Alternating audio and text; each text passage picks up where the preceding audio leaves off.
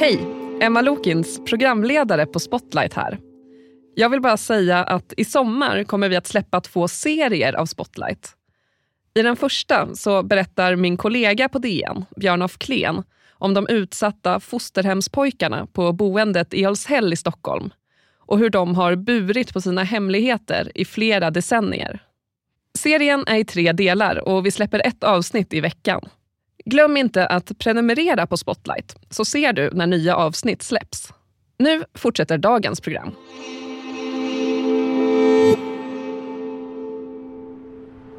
Vid en utsiktsplats vid havet sitter familjen Wik i sin bil.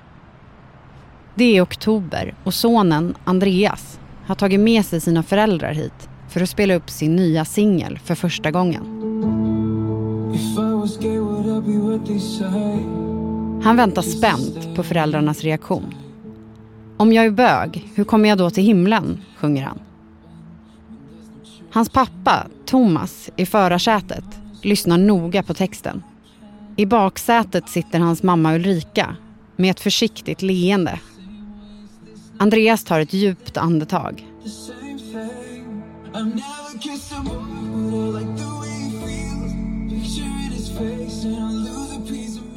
Men så tar Thomas Wik sin sons hand. Han kramar om den. Hans ögon är glansiga. Andreas kastar sig om sin pappas hals och kramar om honom. På Andreas mobil rullar en inspelning. Han ska lägga ut den här videon där han ser ut att komma ut för sina djupt troende föräldrar på TikTok. Och samtidigt göra det för hela svenska folket. Och videon får 25 miljoner visningar. Men vad följarna inte vet, det är att föräldrarna har vetat länge. Tillsammans har de tre försökt få homosexualiteten att försvinna. Genom bön. Från Dagens Nyheter. Det här är Spotlight. Idag om Andreas Wik. Komma ut-videon på TikTok och motståndet mot homosexualitet i kyrkan. Jag heter Evelyn Jones.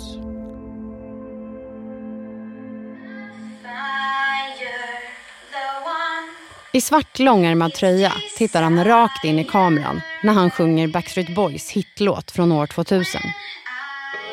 Andreas är nio år. Han drömmer om att stå på scen. Men än så länge får han nöja sig med vardagsrummet hemma i Småland och sin pappa Thomas och mamma Ulrika som publik. Kristina Hedberg, du är reporter på DN. Berätta om familjen Wik. Ja, vid den här tiden så är Thomas Wik en ung pingstpastor och mamman i familjen Ulrika hon är också pingstvän sedan barndomen. De där två träffades när de var 17 år gamla så de är riktiga high school sweethearts. Och deras äldsta barn då, sonen Andreas, han är en solskenspojke, han är sprallig, han älskar att showa och föräldrarna backar honom i det 100 procent. Och när han är 12 år går drömmen i uppfyllelse. Han får skivkontrakt med musiklegendaren Bert Karlsson.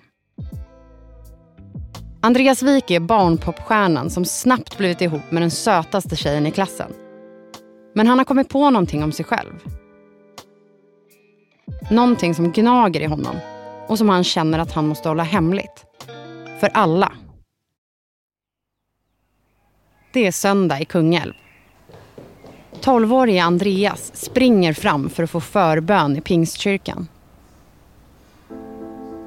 Till förbedjaren säger han att han har en utmaning han behöver hjälp med. För jag ville nog inte ens se det som att jag var gay. Utan jag såg att jag, jag kämpade med tankar som inte var helt okej. Okay. Andreas pappa undrar varför sonen är så angelägen om förbönen. Vad är det egentligen hans annars så extroverte son inte lyckas lösa på egen hand? Men pappa Thomas han får ju aldrig veta vad det är Andreas ber om. Vid den här tiden så siktar Andreas på att försöka bli den första som någonsin lyckas bli fri från homosexualitet. Han ska bli botad, tänker han, och han dagdrömmer om hur han berättar det här för sina frikyrkovänner och hur stolta de ska bli när de får höra att jo, men Andreas han har verkligen haft den här läggningen men Han har besegrat den genom bön. Men bönerna fungerar inte. Och i en granitgrå loftsäng i barndomshemmet grubblar Andreas om nätterna. Nej, det var en, en, en stor ångest som fyllde hela min själ när jag förstod att jag är en gay kille i ett kristet sammanhang. Jag förstod att jag var gay när jag var 12, men när jag var 15 så tog jag mig modet till att prata med mamma och pappa. Jag förstod även då att så här, det här är inte okej. Okay. Så hela resan från att berätta för mina föräldrar handlade ju mycket om att de då skulle hjälpa mig och be för mig att det här skulle försvinna. Den där starka tron då som familjen har och Andreas har på bönens kraft, det gjorde att Andreas trots allt inte var rädd för att berätta för sina föräldrar. Homosexualitet har varit starkt tabubelagt i pingstkyrkan och det är det än idag. Men i just den här lilla varma familjen så kände Andreas att det var okej okay att komma ut som någon slags rop på hjälp. Och vad gör Andreas föräldrar när han berättar? Ja, men de tänker precis som honom, att eh, bönen måste vara lösningen. Det, men ingenting annat. De bara ber. Jag hade ju bilden av, utifrån det sammanhang jag är med och utifrån att jag är pastor, att det första man gör naturligt är ju att be. Och lägger det i Guds händer. Och, och då tror vi att, jaha, hur löser vi det här då? Som om det gick att lösa. Så mina föräldrar eh, blev en del av min kamp och vi tillsammans på ett sätt tog steg i att, ja, sjukt nog, få mig fri från, från mina sexuella, ja, min sexuella läggning.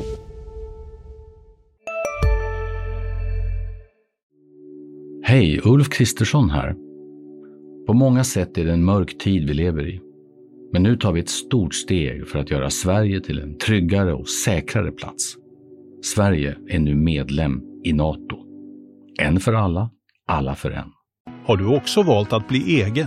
Då är det viktigt att skaffa en bra företagsförsäkring. Hos oss är alla småföretag stora och inga frågor för små. Swedeas företagsförsäkring är anpassad för mindre företag och täcker även sånt som din hemförsäkring inte täcker. Gå in på swedea.se företag och jämför själv.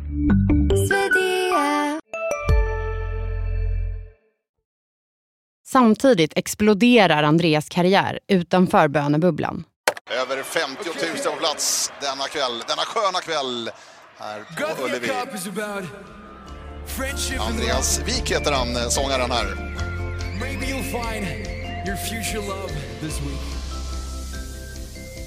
Efter kontraktet med Bert Karlsson börjar Andreas Wik blogga och posta klipp när han sjunger på Youtube.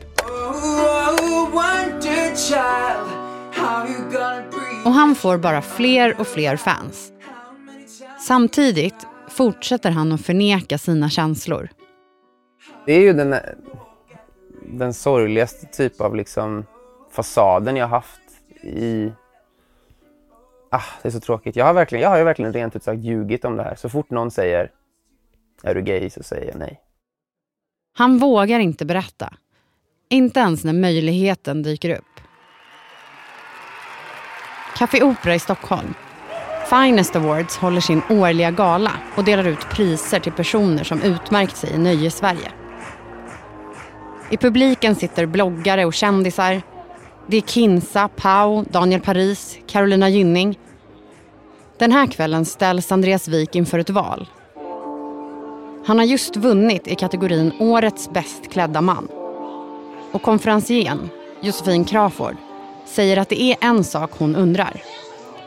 Andreas är ju väldigt söt, klädintresserad, han bloggar, håller på med musik. Du är väl gay? frågar hon. Nej. Hundra inte.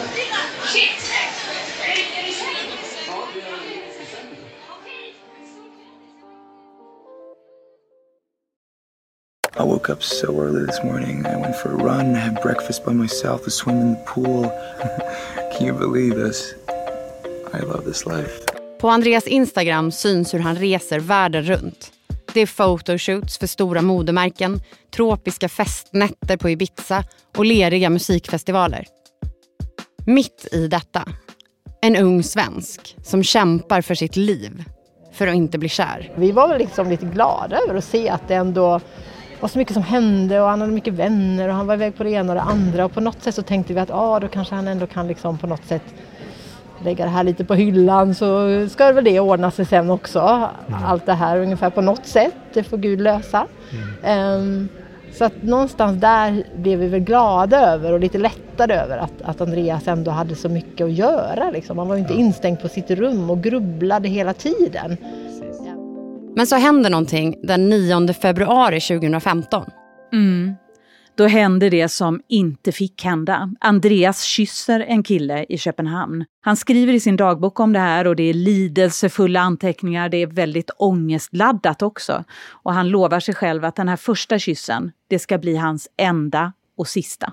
Men nu kommer också tvivlet hos Andreas. Ja, för i dagboken skriver han också att kompassen snurrar för honom. Han vill vara lycklig, men vad betyder det? Är det att gå den vägen som han tror att Gud vill att han ska gå eller är det att följa sina känslor? Och återigen vänder han sig då till sina föräldrar. Och vad gör de nu?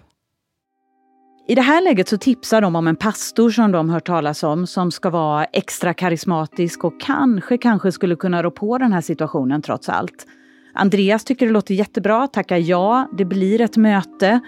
Och det är en ganska aggressiv förbön han blir utsatt för där. Man kanske till och med skulle kunna kalla det för något slags försök till omvändelseterapi. Och vad är omvändelseterapi? Ja, det är just eh, när man försöker bota, med situationstecken då, någon från homosexualitet genom till exempel bön eller någon annan form av terapi. Och det är något som upptäckts i olika religiösa samfund, också här i Sverige. DN har till exempel granskat det här. Och nu vill regeringen förbjuda det, för man ser det som ett övergrepp mot en människa. Och vad gör Andreas när han blir utsatt för det här? Ja, alltså han drar sig ur eh, jättesnabbt och får villkorslöst och omedelbart stöd i det från sina föräldrar. För de vill absolut inte att det var någonting sånt som han skulle bli utsatt för. Man kan säga att den här händelsen blir en rejäl vändpunkt för familjen. Ja, de har sedan Andreas Wik kom ut som 15-åring försökt hantera hans homosexualitet genom att be, men utan resultat. Andreas har ju kvar sin läggning. Men snart ska allt förändras för familjen.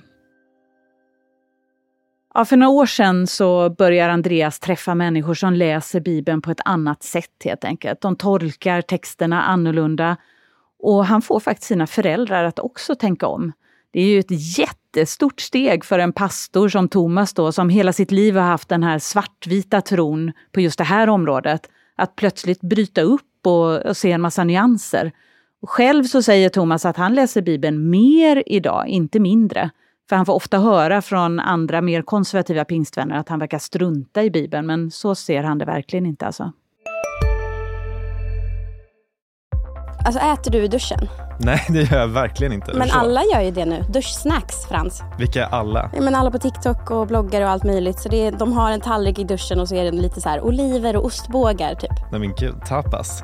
Där drar jag gränsen. Jag, jag kan sträcka mig till duschöl. Men annars så får man torka sig innan man hugger in på godsakerna. Ja men lyssna på Nära vänner, en podd med mig Fanny och dig Frans med Expressen. Viktiga nyheter. Hej, Synoptik här. Hos oss får du hjälp med att ta hand om din ögonhälsa. Med vår synundersökning kan vi upptäcka både synförändringar och tecken på vanliga ögonsjukdomar. Boka tid på synoptik.se. Märkte ni att jag filmade er i bilen? Nej. Jag har inte berättat för mamma och pappa men ni tycker det är så jobbigt att synas ju. Och så lägger Andreas ut den här videon från bilen. Han kommer ut offentligt på TikTok tillsammans med sina föräldrar. Ja, det ser man ju på filmen och det är det som är den stora grejen där. Föräldrarnas insikt om att nu finns det ingen återvändo. Den här sången blir någon slags trampolin för hela familjen ut i det öppna. Och när man träffar dem nu så är de alla verkligen otroligt befriade. De uttrycker en enorm lättnad över att de inte behöver smyga och gömma sig och ljuga längre. Och i Andreas fall så handlar det väldigt mycket om att han vill bli kär. Och både han och hans mamma och pappa ser verkligen fram emot det. Var nära. Kommer din heliga En söndag i december klockan kvart i tolv, börjar förbönen i Stockholms Philadelphia församling. Högst upp på balkongen är träbänkarna bevarade i original från väckelsens 30-tal. På en av dem sitter Andreas Wik med lätt böjd nacke och knäppta händer. Föräldrarna, Thomas och Ulrika, sitter bredvid. Det är ingen slump att familjen befinner sig precis just här. De har sökt sig till den här församlingen för att eh, pastorn här, Niklas Pienso, han är pionjär inom pingströrelsen. På en uppmärksammad Youtube-predikan säger han till exempel förlåt till alla homosexuella som han tycker att han och pingstkyrkan har skadat genom åren. Så han och Thomas Wik resonerar ganska likt här och har en hel del självrannsakan. Alltså läser vi Bibeln så tar han hand om minoriteter, utsatta människor, de som mår dåligt. Så att det här, det krockar ju när man tänker på det i efterhand. Ja, men hur kunde jag inte förstå det direkt? Att här behöver ju Andreas omsorg och, och liksom hjälp och stöd på ett helt annat sätt. Mm. Inte att vi bara lägger det i Guds händer. Alltså det är ju väldigt nonchalant, eller egentligen när man tänker så här. Det är så, det är så fint. Mm. Ja, men det, alltså, det finns pratar, det är så starkt. Ni är så underbara. Ja, det är så mäktigt alltså. Ja. Mm. Vad fina ni är. Ja. Mm, ni är bäst. Ja. Jag blir så glad, det är så oerhört. Oh. Ja, vi la liksom locket på lite grann. I efterhand så tänker jag vad märkligt att vi, att vi gjorde som vi gjorde. Men jag är så glada för att vi har tänkt om och, och tänker på ett annat sätt idag. Andreas och hans föräldrar har idag helt omvärderat sin inställning till homosexualitet. Men inom Pingstkyrkan och flera andra trossamfund så är han inte ensam om att ha levt som homosexuell, i hemlighet. Sen TikTok-klippet från bilen rasar meddelandena in. Från andra unga homosexuella som lever i dömande kristna miljöer. Om du gjorde det, kanske jag också kan, skriver de. Självklart tror jag att både jag och mamma och pappa önskar att inte eh, allt blev som det blev. Men eh, samtidigt så känner jag hur på grund av det vi varit igenom så tror jag att vi kommer få vara med och förändra en kultur och kanske hjälpa andra människor som, som går igenom det här idag. Um, och det är nästan overkligt att jag tror om man inte förstår den kristna kulturen så kan man kanske inte ens förstå att det här är en grej i Sverige 2022 men det är så många som lever i den här typen av situationen som jag också levt i under så många år. Så det är en, det är en liten bit kvar innan det är lika okej okay och vara gay som hetero i, i frikyrkan. Du har lyssnat på Spotlight med mig, Evelyn Jones. Producent var Sabina Marmulakai. Exekutiv producent David Mer. Slutmixen gjordes av Patrik Miesenberger. Originalmusiken är komponerad av Patricio Samuelsson.